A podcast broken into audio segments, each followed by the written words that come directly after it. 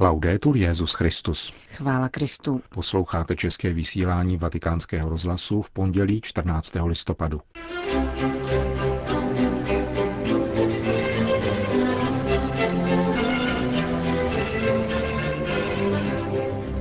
Papež František dnes přijel na audienci Národní fotbalové mužstvo Spolkové republiky Německo.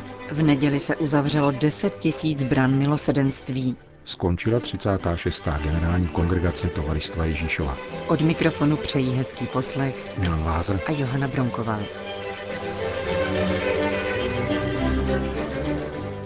Zprávy vatikánského rozhlasu. Vatikán. Papež František sloužil raním ši svatou v kapli domu svaté Marty bez účasti lidu a tedy také bez obvyklého kázání.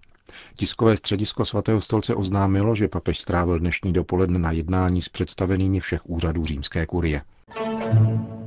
Vatikán. Krátce před devátou hodinou přijel papež František v Klementínském sále Apoštolského paláce německé národní fotbalové mužstvo. Po pozdravu ze strany předsedy Německého fotbalového svazu Reinharda Grindela a kapitána Manuela Neuera papež hráče krátce pozdravil.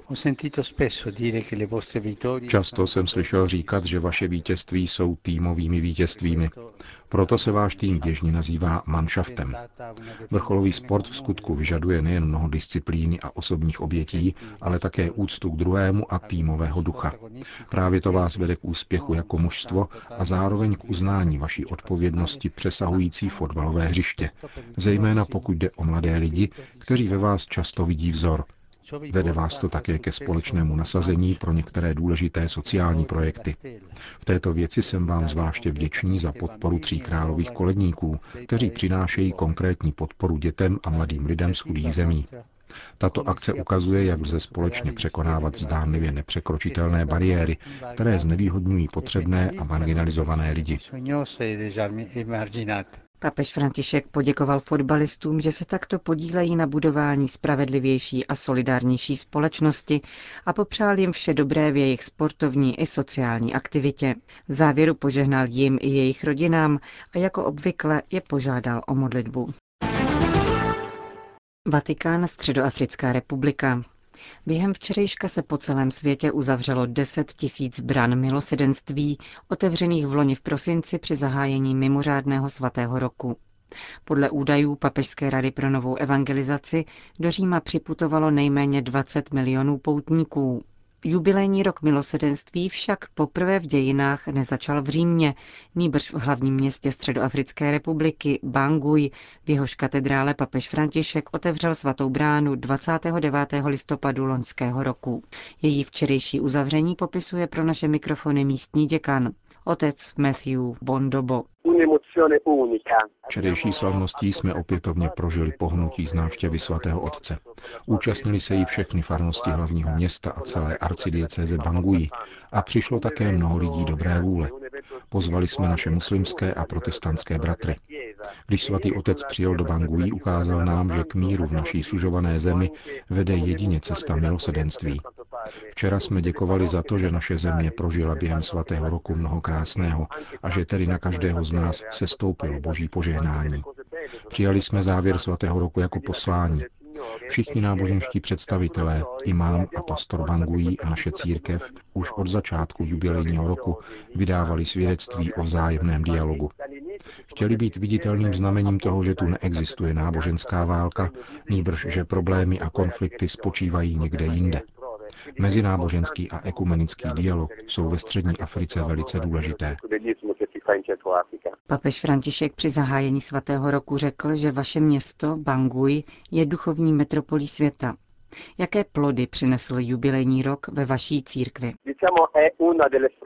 Lidé ve střední Africe stále opakují tato slova svatého otce, která v nás silně doznívají.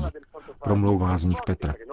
Víme, že setkání s Petrem je také setkání s Ježíšem. Je tudíž nutné brát tato slova vážně a to je pro nás náročná výzva.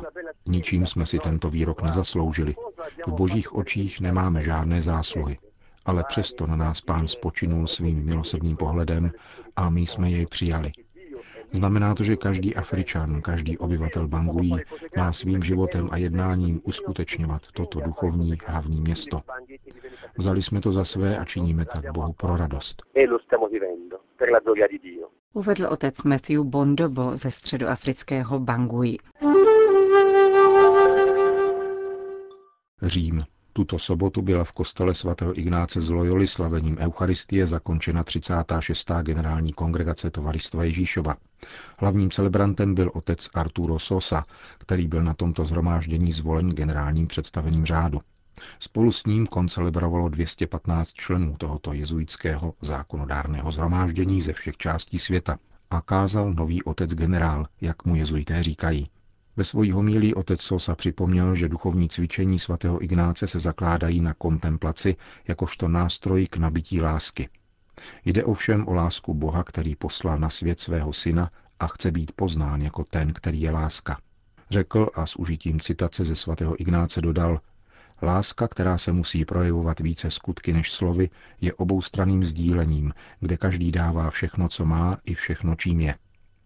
Otec Sosa hovořil mimo jiné o otřesných svědectvích bratří z válečných oblastí, jež zazněla na tomto vrcholném řádovém samitu.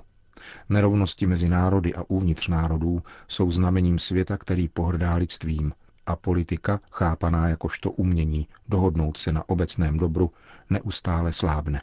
Podotkl venezuelský jezuita a dodal, že je třeba hledět na svět očima chudých. Naše duchovní rozlišování nám umožňuje dívat se na svět očima chudých a nutí nás spolupracovat s nimi na utváření pravého života.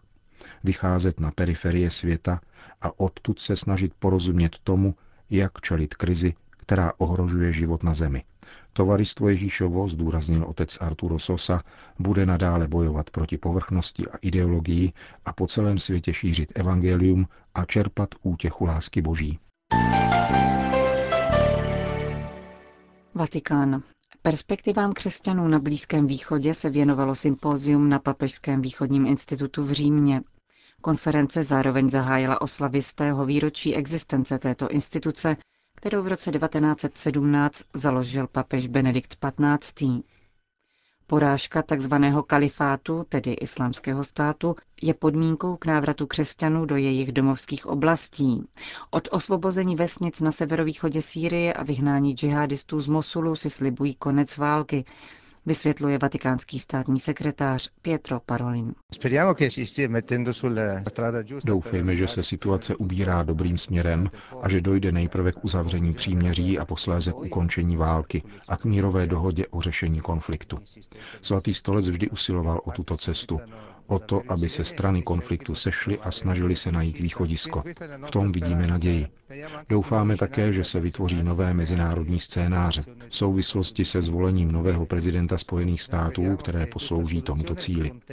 Doufáme, že toto řešení bude brát v potaz rovněž křesťany, totiž umožní jim, aby zůstali občany své vlasti a své země plnohodnotným způsobem, měli rovnou příležitost podílet se na budování společnosti a byli vnímáni jako její součást sentiti come parte di società. Přestože z Iráku přicházejí povzbudivé zprávy o návratu prvních obyvatel do vesnic na Ninivské planině, většina tamních křesťanů prozatím zůstává v uprchlických táborech v iráckém Kurdistánu.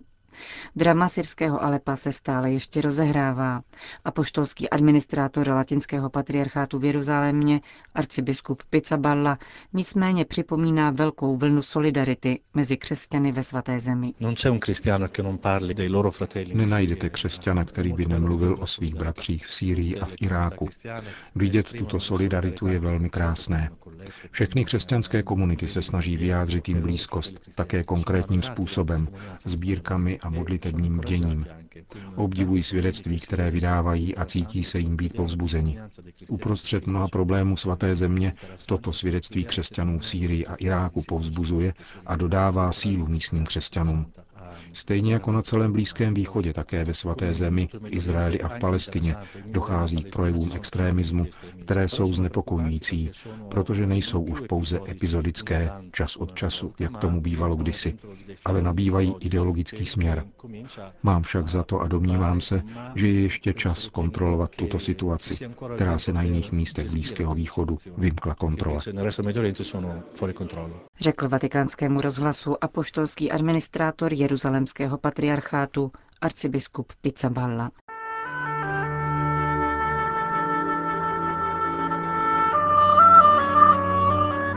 Vatikán. Člověku, který nemá práci, jídlo anebo oděv, je nutné poskytnout konkrétní pomoc, což církev od jak živa činí. Avšak uzavřít svatý rok milosedenství koncertem je opravdu odvážné gesto. Znamená to zdůraznit, že také potrava pro duši se nemá zanedbávat. Komentuje italský hudební skladatel Ennio Morricone svou sobotní účast na koncertu pro chudé a s chudými, který hostila vatikánská aula Pavla VI. Jak dodává dirigentský pultík, tentokrát sdíleli dva skladatelé, kteří provedli svá díla. Spolu s Oscarovým Morikónem, který minulou středu slavil 88. narozeniny, totiž vystoupil monsignor Marco Frizina, rovněž římský rodák, biblista a zakladatel pěveckého sboru římské diecéze. Všechny protagonisty koncertu přijal papež František při krátkém soukromém setkání před sobotní generální audiencí. Během koncertu, na kterém kromě sakrálních skladeb nechyběla Morikoneho filmová hudba, byl možné přispět na dva konkrétní charitní projekty. Výstavbu nové katedrály v ugandské diecézi Moroto a vybudování zemědělské školy v Burkina Faso. V závěru koncertu dobrovolníci svatého roku a mladí lidé ze sboru římské diecéze rozdíleli potravinové balíčky přítomným bezdomovcům a sociálně marginalizovaným lidem, kteří přijeli do Říma na jubilejní pouť. Ale nejprve zněla hudba, připomíná Ennio Morricone, protože nikdy nesmíme zapomínat, že duši je třeba sytit krásou, zejména tou, kterou nám dává hudba, jako umělecké vyjádření, jež člověku nejvíce napomáhá, aby se přiblížil Bohu. Vatikán Maďarsko. Maďarský ministr zahraničí Péter Siarto se minulý pátek setkal se svým vatikánským protějškem, arcibiskupem Paulem Gallagherem. V centru jejich rozhovoru byla otázka přistěhovalců a ochrany pro následovaných křesťanů. Během setkání jsem zdůraznil, že svatý stolec může počítat s Maďarskem, pokud jde o ochranu křesťanských komunit, řekl v rozhovoru pro vatikánský rozhlas. Jedním z hlavních bodů a zaměření naší zahraniční politiky je ochrana křesťanských komunit po celém světě a boj proti pronásledování křesťanů. Informoval jsem arcibiskupa Gallaghera o nově ustaveném státním sekretariátu, který monitoruje protikřesťanská pronásledování. Zdůraznil jsem, že neakceptujeme představu, podle níž protikřesťanské zaměření je jakýmsi přijatelným druhem diskriminace, protože tak tomu není. Říká maďarský ministr zahraničí. Na dotaz, jak je v Maďarsku přijímán papežův postoj k migraci, odpověděl.